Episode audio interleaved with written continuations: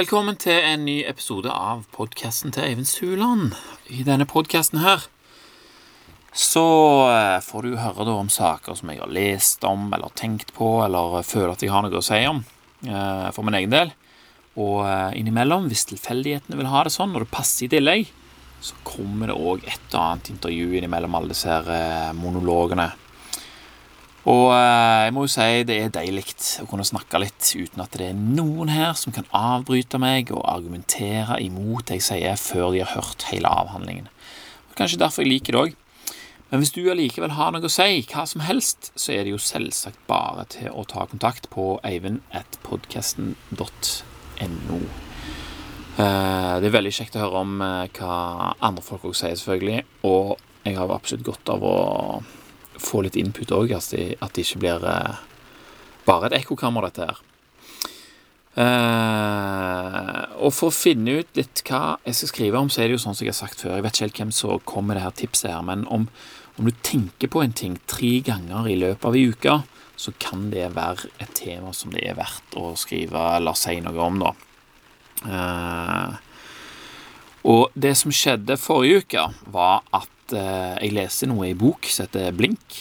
Uh, skal vi se Hvem var det Malcolm så, Malcolm Gladwell, ja. Veldig kjekk uh, bok. så jeg leste noe om noe som sto der. Og så, bare noen dager etter jeg hadde lest det, så skjedde det noe i den virkelige verden som jeg umiddelbart sammenligna med det jeg hadde lest. Og så forsto jeg det på en måte som jeg sikkert ikke hadde vært i stand til å, å gjøre uten dette her ferske eksempelet lett tilgjengelig i jernbarken. Og eh, så gikk det enda noen dager, og så leste jeg om et lignende reaksjonsmønster i ei annen bok. Og idet jeg nå skriver om det og prøver å forklare dette her til deg, så har jeg brukt såpass med tid og tanker på det at jeg vil være i stand til å gjenkjenne det på en bedre måte eh, når eksempler viser seg for meg i framtida, liksom, i livet mitt generelt. Og det som er med den saken der, er at det, det er det jeg føler er lønna mi for å lage disse her eh, podkast-episodene. Podkasten i seg sjøl, den tjener jeg jo ingenting på.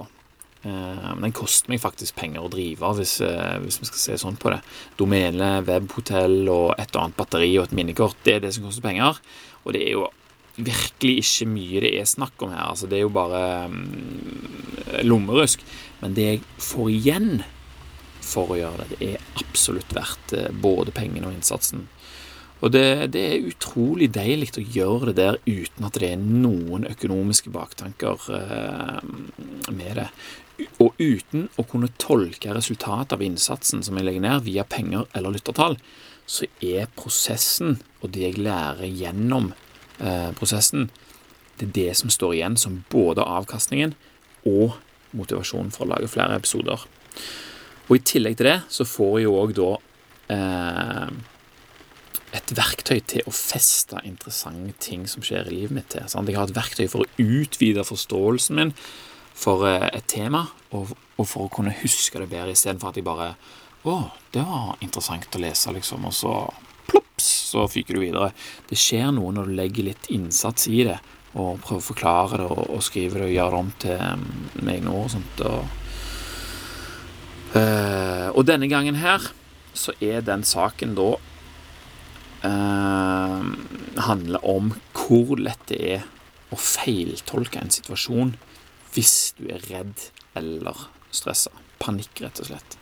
Hvordan antakelser blir til fakta som kan ende opp i katastrofale følger på bare noen få sekunder. Og du har sikkert hørt historier i media eh, om hvordan kanskje en gruppe med politifolk har banka opp eller drept en eller annen tilsynelatende tilfeldig kar som ikke utgjorde den minste trussel. Um, og da er det jo veldig lett for media å danne et bilde av noen med makt som eh, tilsynelatende kan gjøre som de vil, drepe en de har lyst til å drepe, sant? og så bare slipper de unna med det. Eh, det er lett å lage det bildet, og da er det jo selvfølgelig òg lett for den som ser det bildet, eller ja, blir forklart det. Du blir jo sint. sant? Du forstår ikke hva slags monster er dette her. Eh, og dette ene eksempelet her, som jeg leste i Blink, da, er en sånn historie.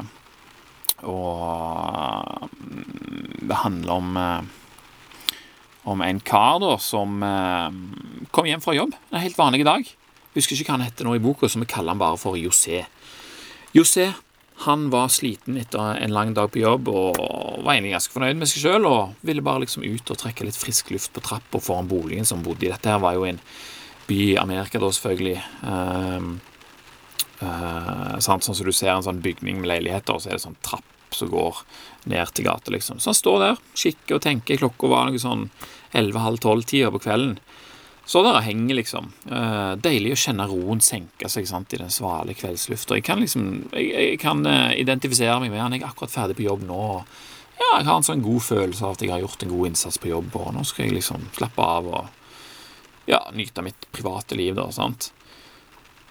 Og så, mens jeg står der og henger, så kommer det en bil som kjører forbi ganske sakte. liksom, En bil som virker til å være litt sånn ute av uh, Ute av Hva skal jeg kalle det?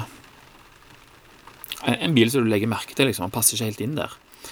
Så ser han da på den bilen sant, som kjører forbi, og plutselig så stopper den bilen der og rygger tilbake til rett foran trappa der eh, José står. Og Han skjønner jo ikke hva som skjer, og ser liksom litt rundt seg og hva, som skjer nå. Det er jo sånn som du gjør uten å tenke deg om, at du prøver å få flere biter med fakta til, og, og, som kanskje kan forklare deg hva det er som skjer. Eh, men uten at, det, uten at han finner ut av noe, da, så er jo det neste som skjer, at det er tre menn som kommer ut av bilen med pistoler. Sånn tre hvite menn. Dette her var jo et område med, med der hvite folk i en fin bil var, var sjelden. sant? Eh, og ut av denne bilen så kommer tre menn med pistoler. Hva skjer nå? sant? Best å komme seg inn i sikkerhet. Uh, aner jo ikke hvem disse folka er. Så han snur seg jo bare, Jose, og skynder seg inn i gangen i bygningen. Og idet han gjør det, så hører han jo at eh, mennene begynner å rope. Sant? Shit! altså Nå begynner det å bli skummelt, dette her. Du kjenner jo bare pulsen stiger, og adrenalinet pumper. liksom, Kom deg inn! Eh, hvor er nøkkelen til døra, liksom? Jeg bare eh, I lomma sant, prøver så å komme seg vekk dette her. Og før han vet ordet av det, bang! Og bang, bang, bang, bang, bang, bang, bang, bang, bang, bang, bang. To og et halvt magasin tømmes eh, inn i gangen, og når røyken legger seg, så ligger jo Jussé død da, foran leiligheten sin der han bor den kvelden han bare kom hjem fra jobb. Sant? Mennene i bilen det var jo politimenn i sivilt, en sivil politibil. Og disse her politimennene Nå skal jeg ikke påstå at de slapp unna straff, men jeg lurer på om det var sånn historien endte. Og når du hører det, så tenker du med en gang sånn Herregud, for et overgrep. For en urettferdig verden. Altså, dette kunne skjedd med hvem som helst. Det var bare pga. hvor han bodde og hvordan han så ut og, og sånt. At, eh, hvordan kan noen gjøre noe sånt i det hele tatt, liksom? Eh, det er jo det du umiddelbart tenker når du hører om det på den måten der. Men så kan du se det fra den andre sida, da. Tre politimenn har fått beskjed om at de skal patruljere et eh, belasta nabolag i en større by i USA, der det er mer kriminalitet enn andre plasser. sant? Det er billigere å bo der. og og dermed så bor det òg folk der som ikke tjener så mye penger, sant? men òg vanlige folk. Det er jo ikke alle som er kriminelle. Eh, men det er det veldig lett å glemme. Sant? Og disse her er jo da tre hvite menn i sivilt, i sivil bil. De seg, eh, befinner seg i et område der det skjer ting. Sant? De er på vakt, og så kjører de gjennom nabolaget. Sant? Og prøver liksom Og de er jo redde òg, selvfølgelig. Sant? Det er jo eh, Hva som helst kan skje her. Og så ser de denne her lille karen på trappa foran bygningen, og klokka er jo 11.30-tida, liksom. Det er seint. Og, og uh, de tenker sånn Han er litt, liten. Det betyr gjerne at han står vakt for noe, eller hva, hva er dette her? Vi rygger, og så hører vi han. Ta med dere våpen. Små folk har uh, De kan ikke slå fra seg like bra som en store. Så de tenker han her er nok bevæpna. Men, men hva er det han gjør nå? Idet vi stopper eh, utfor vi kommer ut fra bilen, så prøver han å komme seg vekk. sant? Han har noe å skjule. Det er det, første du tenker. Ut av bilen etter han, pistolene framme, sant. Uh, og som sagt, de er sikre på at han er bevæpna. Det er jo en liten kar som står og De, de tror at han holder utkikk, at passer på for at noen som gjør noe gale inne i huset. Sant? Så de tenker han er bevæpna. Stopp! Politi! Sant? sier de. Men han stopper jo ikke. Han er jo superstressa på vei inn. sant? Men hvorfor stopper han ikke? Det, det, vet jo ikke de. Så de springer jo bare opp trappa etter José, som har forsvunnet inn i gangen. Og hva er det som skjer? sant? Han griper etter noe i buksa si. Det må jo være et våpen.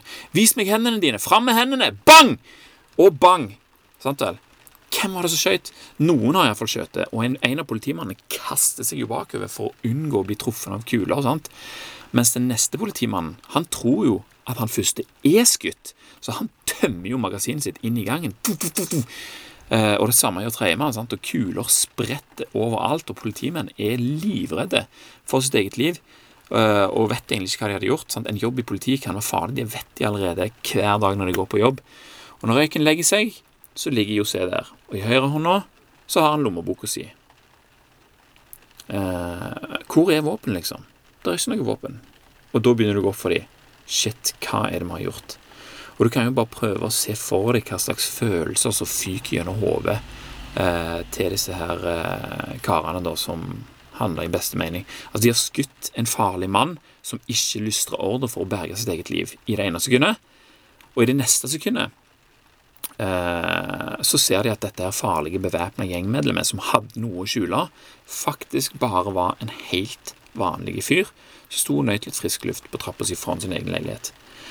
Antagelsene til politimennene om at José var bevæpna og farlig, føltes jo like ekte som, eh, som frykten som José følte eh, når han så disse tre svære eh, bevæpna mennene komme mot han, sant? Han frykta for sitt liv, det samme gjorde de andre. Og at det er ei lommebok han griper etter, er jo like lett for politiet å mistolke som de aggressive ropene som politiet ropte etter José når han sprang inn i gangen.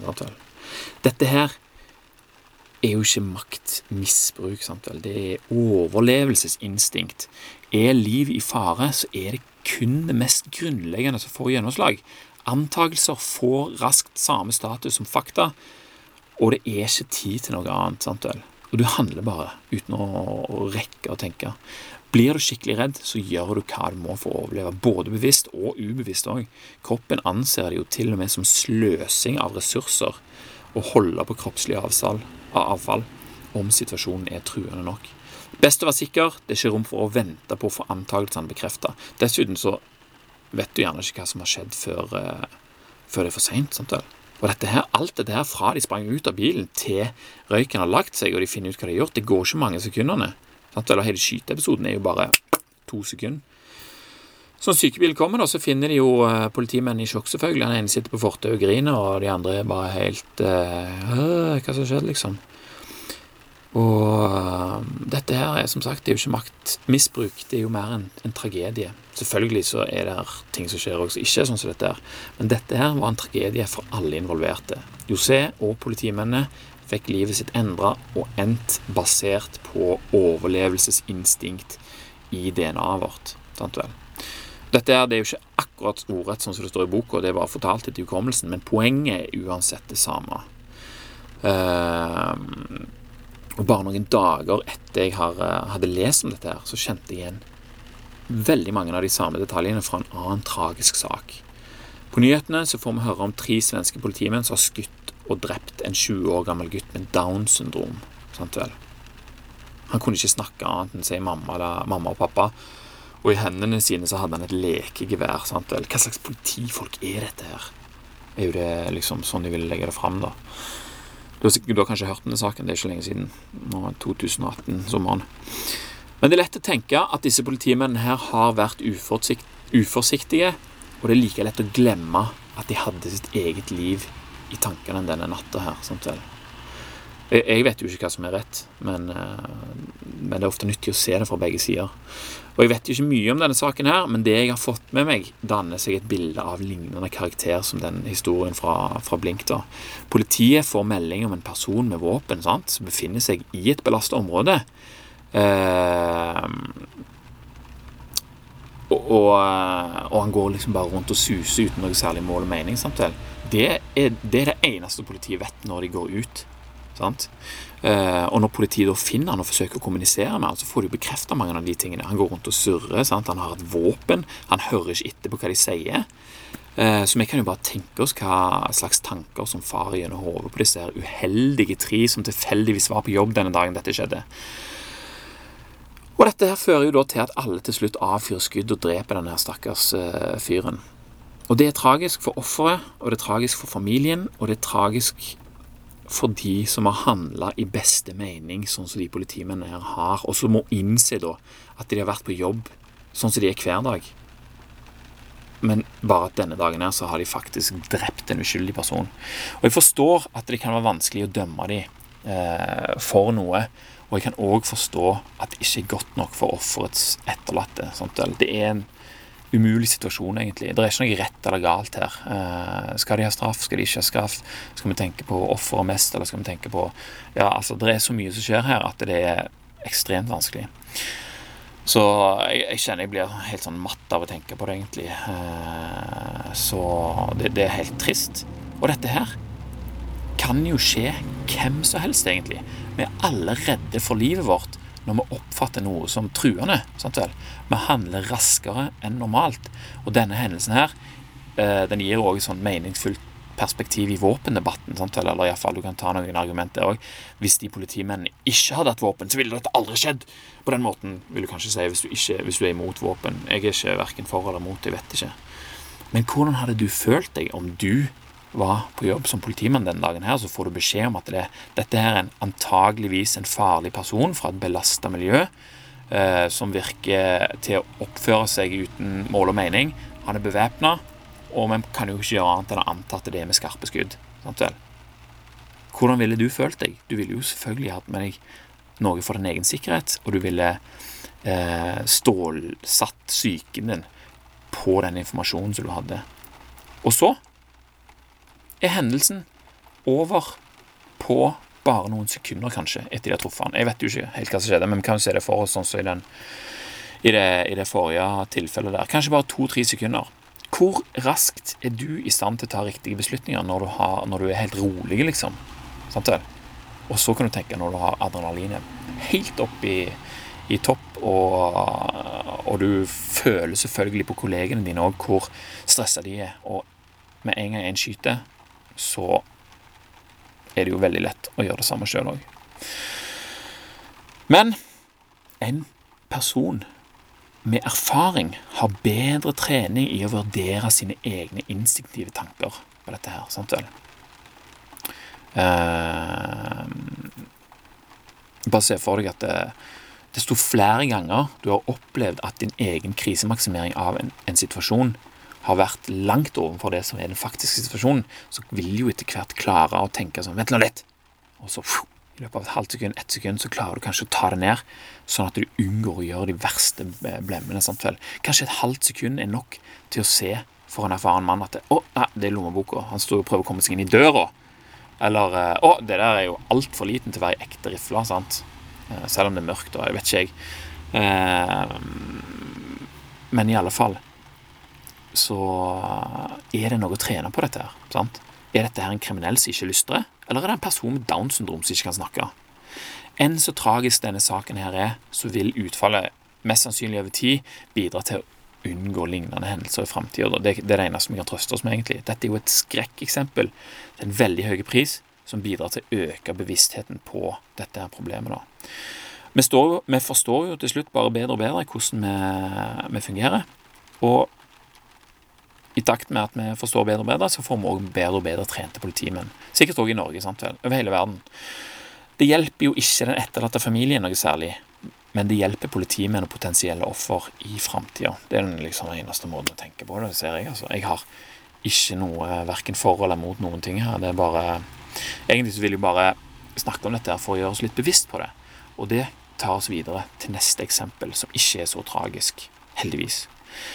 Litt lystigere eksempel. Det kommer fra ei bok som jeg leser akkurat nå, og det er ei bok av den typen som er så kjekk å lese at jeg rett og slett gruer meg til den er ferdig. Sist gang jeg gjorde det, så var det Papillon! Og denne gangen er det Factfulness. Uh, og den havner lett på favorittlista mi allerede før jeg har lest halvveis. Forfatteren det er Hans Rosling. Du har kanskje hørt om han? Han er han svenske professoren som hadde sånne boblegrafer og, og sånn forskjellig. Han har en veldig bra TED-talk der, så du kan sjekke ut uh, først om du ikke får lyst til å springe rett på bokhandleren. Men Factfulness er altså boka som han akkurat fikk gjort ferdig da, sammen med jeg tror det var dattera og svigersønnen eller eller uh, sønnen og svigerdatter eller et eller annet sånt. De har iallfall lagd denne boka her, jobbet veldig mye sammen. Fikk han akkurat ferdig før han dessverre døde da, i våren 2017, i februar eller noe sånt. Uh, og jeg må jo bare si at jeg er veldig glad for at han rakk å gjøre det ferdig, for jeg har aldri, tror jeg, lest ei bok med så mye greier i på så få sider, som liksom er i stand til å få deg til å tenke og endre måten du resonnerer på. Så du skal ikke se vekk ifra at det kommer en egen bokepisode om den senere. Men for nå så skal vi bare høre om den gangen når Hans var fersking på et lite sykehus i Sverige i 1975. Sykehuset fikk en telefon om at de måtte gjøre seg klar til å ta imot flere skadde personer fra en flyulykke i nærheten. De var på vei inn i helikopter allerede, og mens Hans og en kollega sto på kontor og endevendte permer og prosedyrer etter retningslinjer for katastrofehåndtering, så kunne de allerede høre at helikopteret går inn for landing. Og noen sekunder senere så kommer de ned i båra med en person i en sånn kraftig dress med store glidelåser på, og armene og beina rister, liksom, og eh, personen ser jo absolutt ikke ut til å vite helt hva som skjer. Og Hans bare tenker Epilepsi, tenkte han bare. Av med klærne. Redningsvesten den fikk han lett av, men de store glidelåsene her er det ikke godt å si hvor starter en. Så Hans legger jo plutselig også merke til at det, det flyter jo i blod på gulvet. 'Han blør!' sier han bare. Eh, jeg roper, og så prøver han å finne ut hvordan han skal få av dressen. da.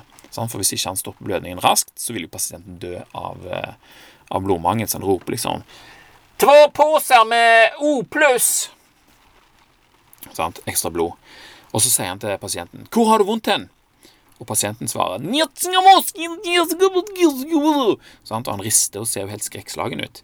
Og han bare Shit, dette er jo en russisk soldat.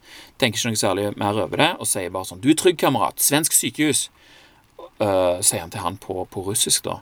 Og, og, så ser han inn i øynene på, på denne her uh, pasienten som er liksom nærmere i sjokk. Og i det øyeblikket så skjønner han hva dette her betyr for noe. En russisk pilot er skutt ned over svensk territorium. Tredje verdenskrig er faktisk i gang. For en følelse det her må ha gitt han. Jeg kjenner jo bare nå når jeg sier det nå, at uh, håret reiser seg på armene mine. Uh, alt skjer på sekunder, og han bare ber om ei saks og skal akkurat til å begynne å klippe i drakten for å lokalisere denne skaden som, uh, som da er, han går ut ifra er årsaken til alt dette blodet som ligger på gulvet. Og akkurat da så kommer hovedsøsteren inn og så bare tar hun hans i armen sånn og klipper inn i drakten hans! Det her er en, en G-suit som koster over 10 000 kroner!' Kan du ikke flytte deg litt? Du står på denne fergeampullen i redningsvesten. Gulvet er jo helt rødt. Og så henvender hun seg til pasienten, da, tar av han drakten mens hun sier på svensk bare ta det med ro, du har oppholdt deg 23 minutter i kaldt vann, det er derfor du skjelver om ikke forstår hva du sier, vi skal nok få varmen i deg igjen. Nettopp, sant vel. Der har du forskjellen på en med og en uten erfaring. Like fort som ferskingen konstruerte tredje verdenskrig, så klarte den rutinerte å avlyse den. Og alle disse her eksemplene er antageligvis langt utenfor det som vi kan forvente å oppleve i våre egne liv, iallfall i det daglige, sånn som de gjør. Men det kan likevel være lurt å bruke disse her ekstreme tilfellene til å få oss til å huske, hjelpe oss å huske hvordan panikk får oss til å handle. Eh, og de samme reaksjonene og forhasta beslutningene er gjeldende i langt mindre truende og langt mer vanlige hendelser. Sant vel? Eh, det er jo det som er med ekstremisme. Sant? Disse ekstreme handlingene her kan gjøre, gjør, at det blir lettere for oss å huske det. Så, men, men, hvordan skal vi huske det å bruke det? Altså, hvordan kan vi adoptere roen til søster Birgitte når det står på som verst? Hans Rosling han har et par tips i slutten av eh, det kapittelet i Factfulness som handler om frykta. Og vår naturlige frykt for fangenskap og forgiftning, f.eks., for det samme som er ansvarlig for våre fobier for trange rom og slanger, det gjør at vi overvurderer risikoen for dette her. Sant vel? Før så var det du bodde i skogen eller jungelen, du passet deg for slanger, overlevde du oftere. Sant vel? Plutselig så er det et instinkt som hjelper slekta di senere å overleve. Sant? Men ver verden virker ofte mer skremmende enn den er av det du hører i media, og hva folk ellers snakker om. Sant vel? Hvis du hører at alle er redd for slanger, og du vet at alle masse folk har dødd av det, så er du klart å passe deg for slanger. Og sånn er det jo fremdeles. Politimennene i Sverige de var kanskje preget av tilstanden i landet sant vel? og antakelsen om at dette her var en farlig person med skarpe skudd eh, som handla uten, uten, mål og mening. Og Hans han var jo selvfølgelig redd for tredje verdenskrig, for han hadde vokst opp med det eh, som en trussel så lenge han kan huske. Han er jo født eh, tre år etter krigen. Antakelsene var feil, og de endte opp med at de handla feil i forhold til det som var tilfellet. Og en ting vi kan gjøre, det er jo da å prøve å øve på å kalkulere sånn type risiko som dette her. Det vil føre til at vi lettere kan redusere frykten som disse nedarva instinktene har konstruert, sånn at det nærmer seg eh, mer den faktiske risikoen. Og risiko er jo da fare ganger eksponering. sant vel? En slange er farlig, kan være dødsfarlig. Kan ha nok gift til å drepe en elefant. sant vel? Men så lenge du ganger det med noe som eksponeringen, som er, kan, er enormt lite, så er jo risikoen òg kjempeliten. sant? Akkurat som ganger 1000. 1000, wow, 1000, jævlig mye. Men hvis du ganger det med 0,00001, så blir det veldig lite av det. Og sånn er det med, eh, med risiko òg. Faren Instinktet forteller oss at dette er farlig, og da må du bruke fornuften til å, å tenke ja, men hvor eksponert er jeg faktisk? Akkurat sånn som med terror. Sant? Terror dritfarlig. Og et fly kommer og krasjer inn i en annen bygning. Liksom. Det, det er soleklart veldig farlig, og det har skjedd òg. Men hva er risikoen for det? Mm, veldig liten. Uh, skal vi se og dermed så er jo òg denne frykten her så å si helt unødvendig, da. Når du har panikk, så ser du verden annerledes, og da gjelder det å ta så få beslutninger som mulig frem til panikken har lagt seg, og de faktiske forhold viser seg, da. Og det trenger ikke være mer enn ett sekund eller to, eller et halvt for den del. Da er det allerede lettere å ta beslutninger uten å risikere å gjøre noe dumt som du da ikke kan ta tilbake. Og det var det, folkens. Litt om eh, panikk. Nå skal jeg bare råkose meg med resten av Factfulness. Og som Bill Gates sier, så er dette her altså en av de viktigste bøkene han har lest. Og en uunnværlig guide til å tenke klart om det som skjer i verden. Og det skjer allerede fra første side. Eh, omslag, altså når du åpner opp, så er det sånn kart på innsida som allerede liksom forklarer deg hvordan dette her eh, skjer. Og sånn går det videre, videre, videre. og og det er herlig å kunne lese ei bok og bare løfte øynene, eller høre noen si noe på nyhetene, eller tenke over fakta som du har inni hodet ditt fra før av, og bare innse at jøss, yes, det går jo an å se det på den måten, og da blir det faktisk feil. Det er, er noe av det kjekkeste jeg vet. Så hvis du er som meg og syns at Bill Gates eh, er verdt å høre på, så spring og hent Factfulness. Hvis du trenger enda mer overbevisning, så ta og sjekk ut eh, TED-talken med Hans Rosling, der han eh, forklarer hvordan, eh, fatt, hvordan fattigdom og alt mulig i verden som jeg tror er gale, faktisk blir bedre og bedre år for år. Det var det. Takk for nå. Takk for meg, og tusen takk til deg som hørte på. Ta kontakt hvis det er noe du lurer på, eller noe du har lyst til å si. Så snakkes vi seinere.